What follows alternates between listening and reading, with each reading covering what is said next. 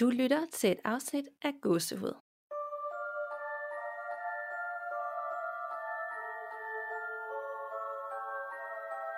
Hej alle sammen, og velkommen til episode 16.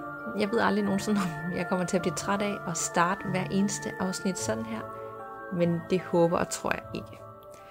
Lige for at starte med, hvad der er sket den seneste uge på hjemmefronten og i forhold til uhyggeskalaen, så har jeg haft nogle meget realistiske drømme, nogle slemme marit, og altså det er noget, jeg har haft mange gange før, men det er som om, de bare lige har været ekstra slemme den her uge.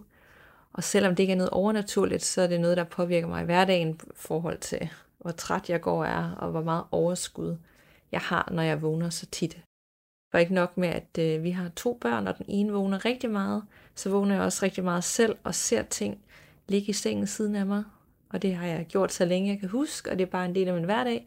Men når man ligesom går med noget i hverdagen, der også er hårdt, og det kan være alt fra arbejde til familieting, så har jeg også tendens til at, at have nogle flere mareridt eller nattetilfælde, hvor jeg vågner. Så det er ikke super fedt. Og derudover så er jeg også lige nødt til at komme ind på det med Radio 24-7 lukker, og I tænker måske, hvorfor tager du det op? Det gør jeg, fordi at øh, gåsehud er faktisk blevet en del af 24-7, det er ikke sådan helt officielt endnu, men det kommer det til at blive. Men i og med, at de skal lukke, så ved vi heller ikke, hvad fremtiden er for øh, podcast-mediet, som de jo også har, og har nogle forskellige, de repræsenterer. Jeg fortsætter selvfølgelig, uanset hvad der skal ske, men det var bare en rigtig god måde for mig, eller for gåsehud, og nå ud til mange flere. Så det er super ærgerligt, og jeg forstår ikke helt, jeg tror ikke, jeg forstår helt, hvad det er, der er sket, men det lyder ikke helt optimalt. Så jeg krydser fingre for, at der kommer en løsning på det, eller de i det mindste fortsætter med hele det her podcastfelt, som jo bare er vildt populært i Danmark lige nu. Dagens emne i dag er skyggefolk, eller skyggemennesker, som man også kender den som.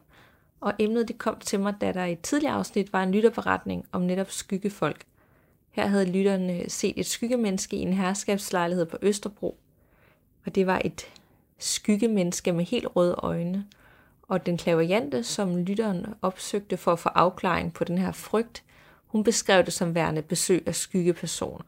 Hun sagde, at den her slags personer drages af bestemte steder og mennesker, og mange mener, at det, det er folk, som er døde, der ikke kan komme videre, og som regel kan det også være relateret til dem, der er døde via selvmord. Hun mente desuden, at lytteren ville tiltrække den hele livet, da hun var særligt sensitiv.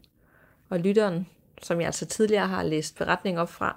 Hun vil gerne være anonym, og hun ser den stadigvæk den dag i dag, når hun er stresset eller har en svær periode. Så er man ligesom blevet indledt til det her emne, vi skal tale om i dag. Jeg har desuden fundet en definition af skyggefolk via ghosthunting.dk, som muligvis er det sejeste website-navn nogensinde. Så er man ikke i tvivl om, hvad det handler om. Skyggefolk er et fænomen, som er blevet øh, rapporteret mere ofte i løbet af de sidste 10 år, men der findes altså eksempler på den op igennem historien, og de er set over hele verden. Ofte er de beskrevet som værende sorte mennesker og skikkelser, der hverken har mund eller øjne.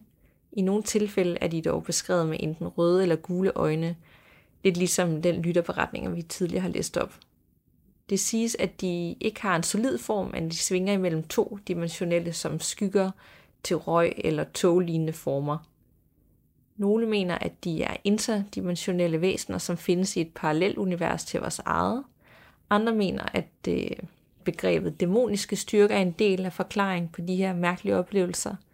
Og så er der dem, der mener, at øh, skyggefolket opstår af vores fantasi og tanker, og heraf kan vi pludselig se nogle skygger. Ikke desto mindre så er skyggefolk med røde eller gule øjne det, der betegnes som det mest ondskabsfulde, så jeg forstår godt, at lytteren, der netop så det her, blev ramt af en form for lammelse og frygt. De her skyggefolk, de bevæger sig meget hurtigt, og de forsvinder som regel i samme øjeblik, man lægger mærke til den. Tidligere blev de ofte observeret ud af øjenkrogen, men der er også et stigende antal beretninger om folk, der har set skyggefolk direkte foran den. Og nogen mener, at der så findes flere typer af de her skygger. Nogle er knyttet til et sted, andre de tiltrækkes af en person eller en ånd. Nogle de ønsker ikke rigtig at blive set, og andre er ligeglade, og så er der altså fire specifikke skikkelser, som er blevet set af mange mennesker, og som går igen i alle de her beretninger. Den første skikkelse er ikke andet end en sort masse, som i nogle tilfælde synes at have, fangearm. Og med fangearm, der var jeg ikke sådan, jeg var lidt usikker på, hvad de mente, så jeg måtte lige google det, og det er simpelthen ala blækspruttearm. Sådan nogle lange, sorte tynde, der bare sådan bevæger sig i bølger, og det er simpelthen så ulækkert. Det skulle jeg ikke have googlet. Den anden type af skyggefolk er en barnelignende skikkelse, der samtidig bærer en slags hætte. Den tredje er en høj, tynd mand med et hoved på størrelse med et græskar. Det bliver bare bedre og bedre. Og sidst men ikke mindst, så er der The Hatman, som er en høj, kulsort skikkelse af en mand, som bærer en bredskygget hat og en kappe eller form for trenchcoat. The Hatman er set over hele verden og fremstår ofte som trone. Så trone faktisk, at der er nogen, der mener, at der taler om en dæmon. Det er også en kendt figur fra flere forskellige tv-serier og film, blandt andet serien på Netflix, som jeg har anbefalet tidligere, nemlig The Haunting of Hill House. Og hvis I ikke har set den endnu, selvom jeg tænker, at de fleste har, så skal I se den straks. Den er mega godt lavet. Den er selvfølgelig uhyggelig, men her der, øh, der kommer The Hatman også i flere forskellige afsnit. Som regel oplever man en voldsom frygt, når man møder skyggevæsener, og dyr de bliver også tit aggressive eller skræmte, når de er i rummet. Nogle de føler sig truet af de her skyggevæsener, andre fortæller, at de er blevet forfulgt eller decideret angrebet af dem. Og nogle de ser dem til resten af deres liv, ligesom i lytterhistorien. Jeg finder det fascinerende, at nogle ånder de kan forekomme i en mere solid form end andre. Nogle er helt usynlige, og nogle de kan virke som en skygge, eller det, som kan betegnes som skyggefolk. Der er ret stor forskel på, hvordan man oplever ånder og spøgelser. Så det var ligesom bare lige en uh, uhyggelig intro til det, jeg betegner som skyggefolk. Det er ekstra mystisk, fordi man ikke rigtig ved, hvad de er eller hvad de vil, og derfor så har jeg også flere frygtindgydende beretninger med om netop mødet med skyggefolk. Så jeg håber, at du, der lytter med derude, sidder godt til rette, eller måske bare går ekstra hurtigt, hvis du render rundt et øde sted lige nu. I dagens afsnit vil jeg især fokusere på The Hatman. Alle skyggefolk er skræmmende, men The Hatman er nok den værste af dem alle, hvis du spørger mig. Han er som sagt blevet spottet over alt i verden, og han har vist sig for mennesker i mange år. Og selvom The Hatman har en vis mystik omkring ham, så bliver han beskrevet som meget høj og slank og altid med en hat og lang frække. Nogle gange har han røde øjne, og han dukker som regel op, når man er følelsesmæssigt presset eller gennemgår en svær periode. Ofte vil han betragte dig, når du sover, og derfor bliver han også nævnt i forbindelse med søvnparalyse. Selvom nogen beskriver The Hatman som aggressiv eller ligefrem har angrebet den, siger de fleste, at han er forholdsvis rolig. Hans funktion virker, som om han bare observerer på en meget uhyggelig måde. Men de mennesker, der så siger, at ham her skyggemanden har angrebet den, beretter om, at han hopper op på den, eller de får en fornemmelse af at blive kvalt. Og det betyder, at de kan få sådan en brændende følelse i brystet, eller en følelse af at blive berørt på hovedet eller panden.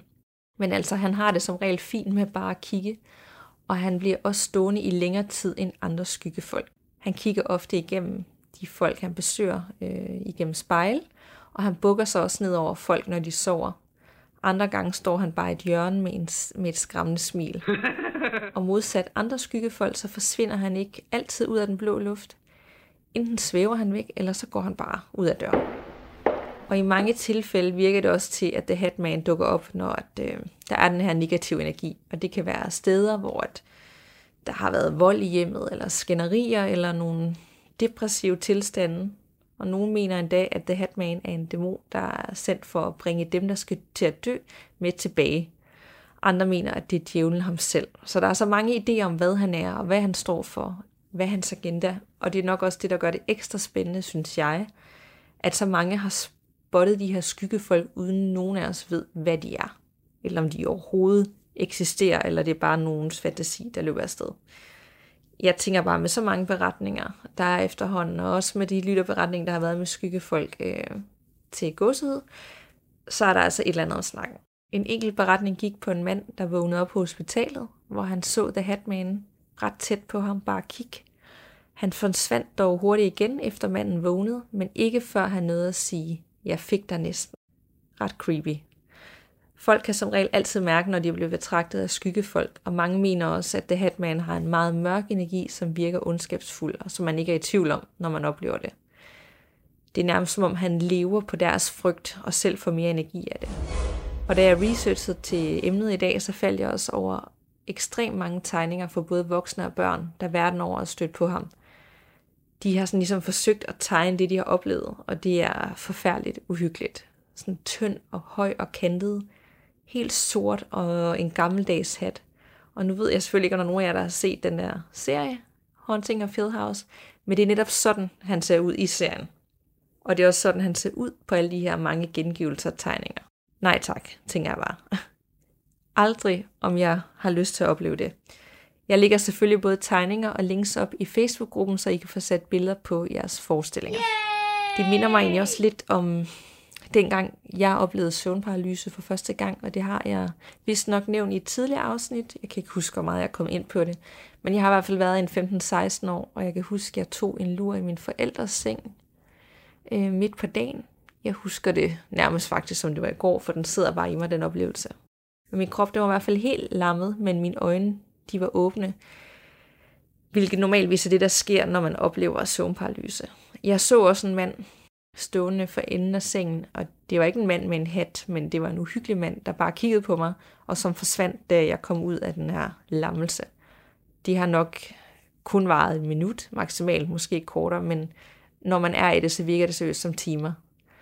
Jeg tror til gengæld, det er ganske normalt, at man ser ting, der ikke er der, når man har søvnparalyse, fordi man sådan ligesom svæver mellem drøm og virkelighed. Men det gør det ikke mindre uhyggeligt, i hvert fald ikke for mig. Og så lige et par beretninger til jer om netop The Hatman. Jeg har tre forskellige med, og de har tre forskellige tilgange til det her møde. Og jeg har selvfølgelig forsøgt at gengive den så godt jeg kan. De er alle tre engelske, og så har jeg oversat den. Og jeg håber, I er klar til at lytte med. Jeg var 23, da jeg så, hvad jeg tror, at det folk kalder for The Hatman. Det var den mest uhyggelige oplevelse i mit liv. Det var tidlig morgen og stadigvæk mørkt. Min mor og jeg er begge sygeplejersker og arbejder dagsvagter, hvorfor vi skulle tidligere sted. Jeg boede hos min mor for at spare penge sammen til mig og min femårige søn. Min mor ville droppe min femårige søn af i børnehave, det er alligevel på vejen. Vi boede i et hus med en masse land tilknyttet. Det var øde. Vi havde lys på, der lyste op over alt, når nogen kom eller gik. Det gav os en form for tryghed, da det kunne blive meget mørkt derude. Denne tryghed forsvandt dog som duk for solen den morgen. Da vi gik hen mod vores bil, så jeg en mand stående under et af lysene. Jeg kunne ikke se hans tøj tydeligt, men mere omridset af ham.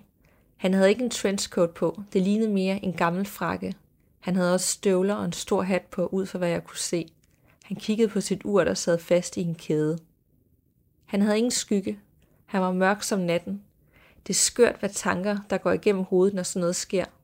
Jeg kunne mærke ondskaben fra ham i bølger. Det var som om adrenalinen kunne få mit hjerte til at eksplodere.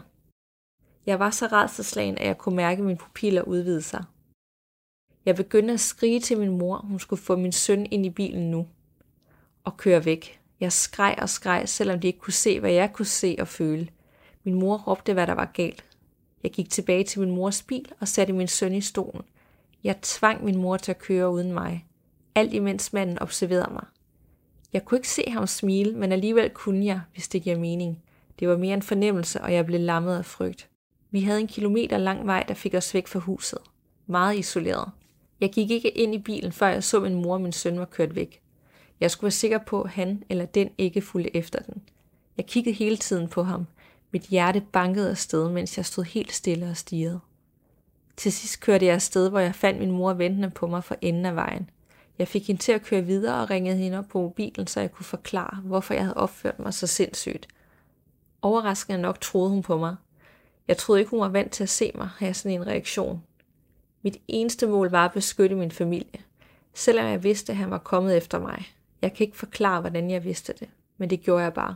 Jeg håber aldrig, jeg skal føle den type af intens frygt igen. Aldrig nogensinde. Og videre til nummer to historie om mødet med The Hatman. Og det her det er en beretning, der tager udgangspunkt i, øh, i mødet med ham helt fra øh, de var teenagers til ham den ene fyr her, han blev ældre, og i college og til han flyttede hjemmefra. Den første gang jeg så The Hat Man var jeg 13 år. Min bedste ven og mig selv så ham begge to. Han stod bag en bunke af træ. Han var en høj og mørk skygge. Han havde intet ansigt. Han havde en hat på og en trenchcoat. Han kiggede på os, uden vi bevægede os. Jeg følte en vrede fra ham. Min bedste ven og jeg kiggede bare. Vi vidste ikke, hvad vi skulle gøre os selv. Da Hatman drejede sig langsomt og gik væk fra os. Efter nogle få meter forsvandt han i den blå luft. Midt om dagen, som om han gik ind i en anden dimension. Et år senere, mens jeg lå i sengen og læste en bog, fik jeg pludselig en lyst til at kigge mod min lukkede dør. Og der stod han, den samme mand. Han gik hurtigt hen imod mig og stoppede kun en meter fra mit ansigt, og så forsvandt han. Da jeg blev 19 år, boede jeg på et kollegie. Da jeg skulle gøre mig klar til at smutte i seng, var han der igen. Han stod foran min badeværelsesdør og stirrede. Det føltes som om han sendte følelse videre til mig. Tristhed, frygt og håbløshed. Han stod der i hvad der føltes som evigheder, men til sidst forsvandt han. I dag er jeg 22 år, og jeg har set ham to gange mere i min lejlighed. En gang i stuen og en gang i soveværelset. Det var præcis samme oplevelse som tidligere. Som om han bare lige stoppede forbi for at minde mig om, at ondskab eksisterer, for at putte frygten ind i mig, igen og igen. Jeg har set mange spøgelser igennem mit liv. Lige siden jeg var et lille barn. Jeg har mødt indebrændte ånder og søde ånder, og endda de ånder, der ikke engang ved, de er døde. De har talt til mig, og nej, jeg er ikke skør. Jeg ved det rigtigt. Blandt andet fordi jeg så den døde familie i min søsters nye hus. Efter hun tjekkede op på historien, lærte de, at en familie var død i en brand i huset mange år tidligere. Af alle de ting, jeg har set og oplevet, og alle de vrede ånder, jeg har mødt, er denne mand den, der har skræmt mig mest. Jeg tror ikke bare, han er en ånd. Han er noget værre. Måske endda en dæmon. Og den sidste historie, jeg har med i øh, mødet med The Hatman, den kommer her. I modsætning til de historier, jeg tidligere har hørt, så så jeg The Hatman, da jeg var meget ældre. Normalt er det noget børn eller unge mennesker oplever. Jeg var 53 år gammel, da jeg så ham. Min kone og jeg kom hjem fra en middag en fredag aften i oktober. Jeg sad på sofaen og så tv. Jeg begyndte at blive træt. Jeg fortalte min kone, at jeg ville gå en lille tur for at vågne op igen. Da jeg kom tilbage til vores hus, så jeg en mand gå imod mig. Han var et stykke væk fra mig, men jeg kunne se, at hans tøj var helt sort og i stil med noget, der mindede mig om, om Sherlock Holmes. Jeg syntes, det var mærkeligt og stoppede op for at jagtage ham, mens han gik tættere på. Det begyndte at blive mørkt, og gadelyset var tændt, men der var stadigvæk lidt aftenlys for himlen. Han gik ud på vejen under et af gadelysene cirka 30 meter fra mig. Han drejede sig og kiggede på mig, mens han stod helt stille. Det var her, det gik op for mig, at det ikke var et menneske. Jeg overvejede at løbe indenfor, men i stedet valgte jeg at gå tættere på ham for at se ham bedre. Man er vel nysgerrig. Jeg bad en hurtig bøn og bad de højere magter om at passe på mig imens. Jeg tog i omegnen af tre skridt imod ham, men lige så snart jeg bevægede mig, gik han fra at stå helt stille til at spurte væk. Umenneskeligt hurtigt. Når han løb, var det som om hans fødders bevægelse ikke stemte overens med, hvor hurtigt han løb, og der var ingen lyd fra hans fodtrin. Tre vidt forskellige, men ikke desto mindre uhyggelige fortællinger om mødet med de, der i hele verden kendes som The Hatman. Altså, det var næsten svært at udvælge de her tre forskellige beretninger, fordi der ligger tusindvis af beretninger i mødet med ham. Og det, der er skørt, det er, at der er mange, der har set ham for mange år, altså 50 år siden, men de har ikke vidst, at det var The Hatman, fordi det at tale om skyggefolk og The Hatman, det kom først rigtig frem i starten af nullerne, i forbindelse med et radioprogram, hvor de, der var nogen, der tog det op, og så begyndte lytterforretninger at komme ind, og de fandt ligesom sådan en fælles enighed om at have set det samme. Alle troede, de, det var kun dem selv, der havde oplevet det her, og det var en eller normal ånd. Og det var det så ikke. Der er sådan ligesom en, øh, en forståelse for, at det her det er det, der blev tegnet som skyggefolk. Og de fandt så hver især på øh, nogle beskrivelser af, hvad de her fire forskellige typer kan indeholde. Jeg synes i hvert fald, at, øh, at det er skræmmende. Og sådan havde jeg også, da jeg læste lytterberetninger op i sin tid. Især med tanke på, at de kan følge en hele livet, og især de perioder, hvor man, man har det mindre godt. Nærmest som om de trives, når man ikke selv trives, og de kan bruge den energi til selv at blive stærkere.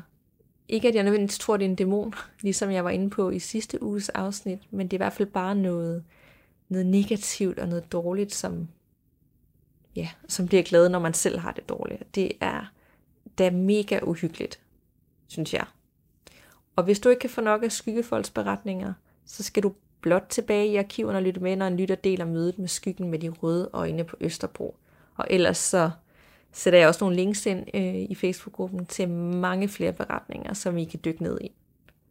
Og nu skal vi til ugens lytterberetninger, og jeg har faktisk hele tre med. Og det har jeg, fordi der er kommet lidt flere her den seneste uge, fordi der er virkelig sket noget med, med gåsøde. Der er kommet mange nye til, øh, både i Facebook-gruppen og på Instagram, og ja, download til podcastet, og det er mega fedt, for det betyder bare, at der er flere og flere, der finder vej til det, og der er flere, der synes, det er spændende at høre om det overnaturlige. Og nogle af dem er lidt kortere i dag, så derfor tænkte jeg, at I vil nok ikke blive ked af, at, øh, at jeg læser tre forskellige op. Så vi tager den første her. Hej Danika, jeg har lige opdaget gåsehud, og det er super fedt. Tak for det. Da jeg hørte afsnittet om nærdødsoplevelser og skytsengler, kom jeg i tanke om noget. Da min mor var gravid med mig, som i øvrigt også indeholder en lille mirakelhistorie. Min mor hun fik nemlig livmoderhalskræft, samtidig med at hun blev gravid med mig. Dette overså lægen dog, og hun fik det derfor først at vide, da det var for sent at fjerne mig. Hvis ikke kræften var blevet overset, var jeg aldrig blevet født, og heldigvis nåede kræften ikke at sprede sig, inden min mor havde født, og hun kunne få fjernet livmoderen. Jeg vide, om jeg også har mig en skytsengel. Nå, sidespor. Men da min mor var gravid med mig, var min storsøster omkring et år gammel. Når hun sov middagslur, plejede hun at ligge i sin barnevogn, der stod op ad vores nabobygning. En dag vågnede min far fra sin middagslur ved, at vinduerne i vores lejlighed flækkede og skød ind i rummet. Bygningen ved siden af, den min søster altid sov ved, var sprunget i luften. Åbenbart blev der enten lavet eller opbevaret fyrværkeri der, så vidt jeg husker. En nabo løb rundt dernede skrigende og ledte efter min søster i barnevognen. Men heldet, eller de højere magter, var med min familie den dag. Min mor hun havde været på weekendtur i sommerhus med sine forældre, og havde om morgenen ringet min far op for at sige, at hun selv og min søster blev der en ekstra dag. Når jeg tænker over det, er det jo helt ubegribeligt, hvor heldige vi har været. Hun sov der hver eneste middag, og den ene mand, der hun ikke gør der, der sker eksplosionen. Det var min historie om at blive våget over noget, vi ikke lige kan forklare. Jeg har i løbet af mit liv oplevet mange underlige ting, så kan vide, om I ikke får en mail eller to fra mig på et senere tidspunkt. Knus forklarer. Altså, jeg blev virkelig glad, da jeg fik den her mail, fordi ligesom at jeg har oplevet noget, som jeg vil betegne som mirakel, så er der ingen tvivl om, at det her det er et mirakel. Prøv at tænk, at hendes søster har sovet der hver eneste dag, og den ene dag, hun ikke gør det, der ekskluderer bygningen, hun står bag, og højst sandsynligt ikke vil have overlevet. Det er, jamen jeg, jeg tænker, der er nogen, der passer på jer. Både dig, da du var øh, inde i maven på din mor, øhm, og alligevel blev født, selvom hun havde kraft. Det er jo fantastisk, altså. Og det tænker jeg bare, at det er en rar tanke at have i hverdagen, at der er nogen derude, der passer på os og holder øje med os, og det kan være, jamen ikke, altså, der, om det er en decideret engel, eller det er et tidligere familiemedlem, det ved man jo ikke, og man ved jo heller ikke, om det er rigtigt, men jeg kan i hvert fald godt lide den tanke om, at der er nogen, der passer på en. Og når det er et mirakel, om det er en tilfældighed eller ej, så øh, ja, det er i hvert fald smukt. Du må meget gerne sende de andre beretninger ind, du har, så jeg også kan læse dem op for lytterne. Og videre til den nummer to beretning, som jeg fik på Facebook. Jeg skal lige finde den her. Den har jeg valgt at tage med. Altså, jeg tager jo alle beretninger med, men den her, den valgte jeg allerede at tage med ret hurtigt. Selvom at den, jeg næsten lige har fået det, og det har jeg, fordi at den, øh, den skram lid af mig. Jeg fik den en sen aften og læste den igennem, og jeg fik også svaret øh, hende her Katrine super hurtigt, fordi wow, jeg, jeg havde tusind spørgsmål, men nu vil jeg lige læse den igennem først, og så kan I også lige høre lidt af det, som jeg havde spørgsmål til. Jeg har igennem hele mit liv haft paranormale oplevelser, som jeg har svært ved at forklare. Det starter, da jeg er omkring 8 år gammel og flytter til Mellerup, en lille by uden for Randers med min mor, stedfar og to yngre brødre. Vi flytter ind i et gammelt, smukt bindeværkshus fra 1870 med stråtag. Vi har tidligere boet i lejlighed, og jeg er super spændt på at få et stort værelse. Fra første nat ved jeg, at der er en underlig stemning i huset, og jeg føler mig utryg ved at sove på et værelse. Jeg får dog at vide af mine forældre, at det er normalt, og vi lige skal vende os til huset. Jeg går på en lille friskole i landsbyen 5 minutter væk og går selv hjem fra skole hver dag, og er alene hjemme i to timer, før resten af familien kommer hjem. Mine brødre de bor halvdelen af tiden ved deres biologiske mor, så jeg er enebarn meget af tiden. Jeg starter med at se manden med den åbne mund, som jeg kalder ham, allerede en uge efter vi er flyttet ind. Det starter med, at jeg føler, at jeg ser skygger i vores stue, og at der konstant er nogen, der kigger på mig. En dag, da jeg går ud af vores toilet, står der en mand i gangen og kigger på mig.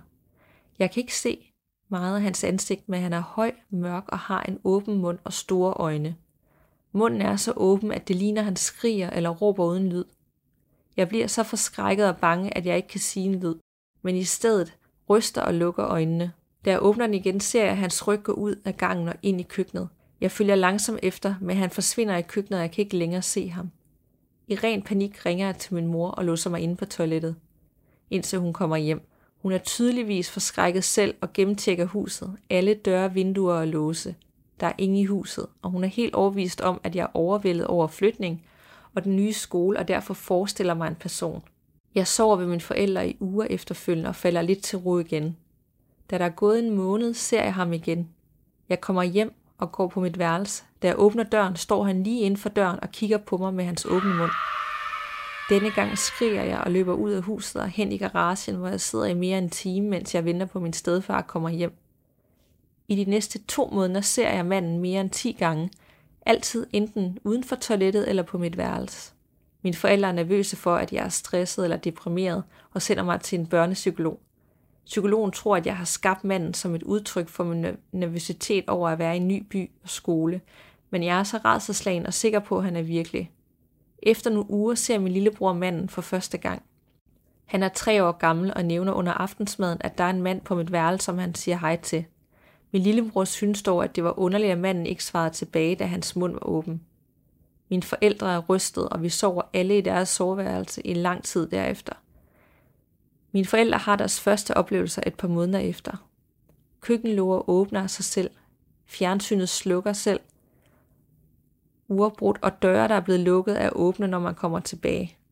Min mor ser flere gange skygger i stuen og foran toilettet, som hun ikke kan forklare. Efter næsten et år i huset køber min forældre og sin hund Basse, for at jeg ikke skal være bange for at være alene i huset. Allerede da Basse er en valp, gør han ud i rummet og virker bange i de forskellige rum, specielt på mit værelse. Mine forældre begynder at researche historien om huset og finder ud af, at det brændte i 1897, og at ejeren, en ældre herre på 70 år, døde i branden. Vores naboer forklarer, at der er en open legend i byen, at manden blev brændt inde, og man kunne høre hans skrig i hele byen. Den tidligere familie, der boede i huset, havde også haft paranormale oplevelser og flyttet, da de fik børn. På trods af husets historie og de uhyggelige oplevelser, bor vi i huset indtil jeg er 16 år, og jeg lærer at acceptere manden og hans tilstedeværelse i huset. Det er som om, at da vi accepterer, at han bor der, begynder han at vise sig mindre. Jeg er nu 25 år og glad for, at jeg bor langt væk fra huset, i et moderne byggeri uden uhyggelige mænd og sære oplevelser. Jeg håber, at du kan bruge historien. Det skræmmer mig stadigvæk at tænke tilbage på. Som voksen synes jeg også, det er super synd for den stakkels mand, hvis ånd tydeligvis stadigvæk rumsterer i huset i Mellerup. Jeg elsker podcastet og glæder mig til at lytte med hver uge. Alt det bedste, Katrine. og jeg sad bare der om aftenen og tænkte, øh, det er nok noget af det mest uhyggelige, jeg nogensinde har læst. Altså, det bliver jeg til at skrive til en. Fordi det minder mig nærmest som øh, os igen en scene fra Haunting of Hill House, hvor de her børn, de ser nogle ekstremt hyggelige ånder, som bare er fanget i en eller anden grimasse. Jeg er så imponeret over, at man lærer at leve med, med det, og det bare bliver en fast del af hverdagen. At man kan se en person så mange gange, og man bare vender sig til det og accepterer det. At så er det bare sådan er. Han, han hører med huset. Især da du gik ind på dit værelse og åbner døren, og han står søs lige foran dig med en åben mund, sådan fastgjort i et skrig uden lyd.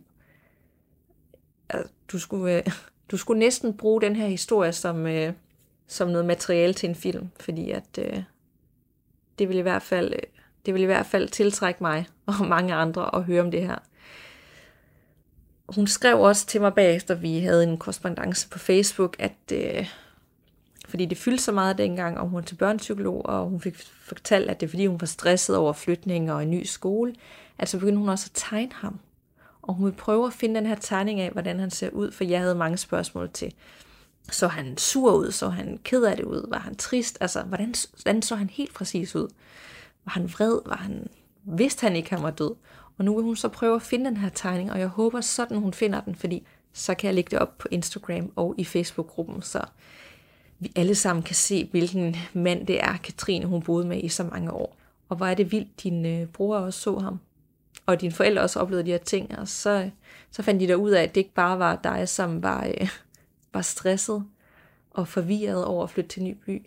Jeg forstår godt, at man kan tænke sådan som forældre, men samtidig altså når et barn siger de ting, det må være frustrerende at fortælle, at man har set noget og oplevet noget, og så får man at vide, at, at man bare skal vende sig til huset, og man skal bare, det er bare en selv, der forestiller sig de her ting, når man har set det så tydeligt, fordi jeg kunne forestille mig, at man ikke er i tvivl, når man har set det, som i det her tilfælde.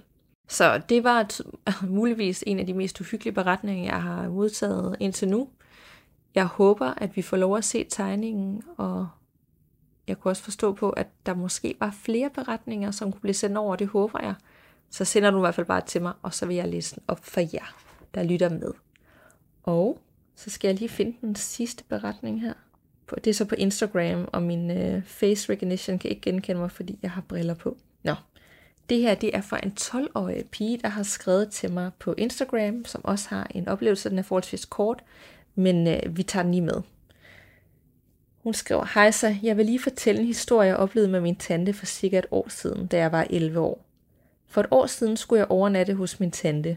Hele ugen havde jeg været syg, så jeg lagde, jeg lagde mig på sofaen om middagen og tog en lur.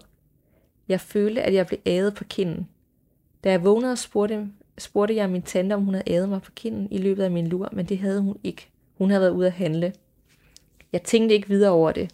Om aftenen sad vi og så, er der nogen, og det handlede om et teater, og de fortæller, at man bare kunne ringe ind, hvis man vil have sin ånd ud af huset.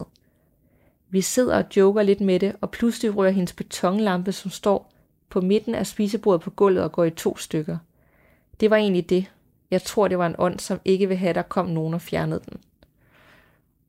Og den her historie, det vidner bare om, at de lytter med, når man taler om den. De er der altid, tror jeg, og jeg tror altid, de lige er bevidste om, hvad man siger, og hvad man, øh, hvad man vil gøre. Tankevækkende, og jeg tror ikke, det er tilfældigt, at den går i stykker og falder ned midt for bordet, ud af det blå, lige når I siger, at det kunne være, at vi skulle prøve at ringe i sjov og få fjernet den her ånd. Og så synes jeg, det er enormt hyggeligt, at, øh, at alle alder, aldersgrupper, de lytter med til gåsehud. Der er folk på min alder, der er nogen på 12, der er nogen i 40'erne, der er nogen i 50'erne, det er mænd, det er kvinder. Det er som om, vi har så mange forskellige typer, men vi kan alle sammen samles om det overnaturlige. Og det er uhyggeligt, fordi i bund og grund, så er det bare så spændende, at man kan ikke lade være med at lytte med eller læse om de her ting. Det er sådan, jeg har det. Jeg bliver lidt bange, men jeg synes også, det er tilpas spændende til, at jeg gerne vil gøre det.